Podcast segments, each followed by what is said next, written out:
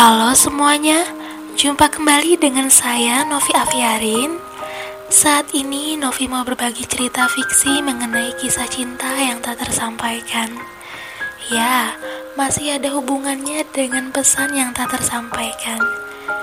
Dikisahkan ada seorang gadis yang berparas biasa dan sederhana bernama Niu. Dia sangat masa kecil bersama sahabatnya Z yang sudah bertahun-tahun merantau di luar kota.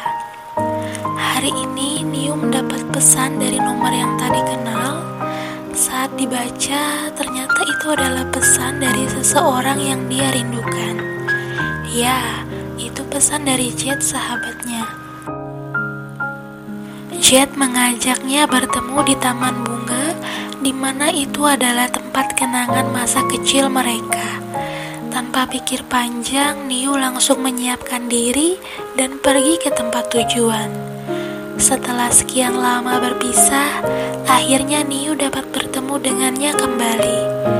Mereka banyak berbagi cerita mulai dari masa kecil mereka sampai saat ini. Namun, Niu merasa sepertinya Jet sudah banyak berubah. Sedangkan Neo merasa dirinya masih seperti yang dulu. Tak lama kemudian ada seorang wanita cantik menghampiri mereka. Wanita cantik itu bernama Leora. Ternyata dia adalah kekasih dari Jet.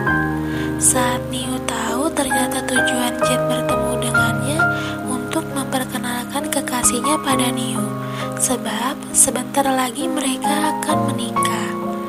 Sungguh hati Niu sangat hancur, namun Niu mencoba untuk menegarkan diri. Niu berusaha untuk terlihat baik-baik saja.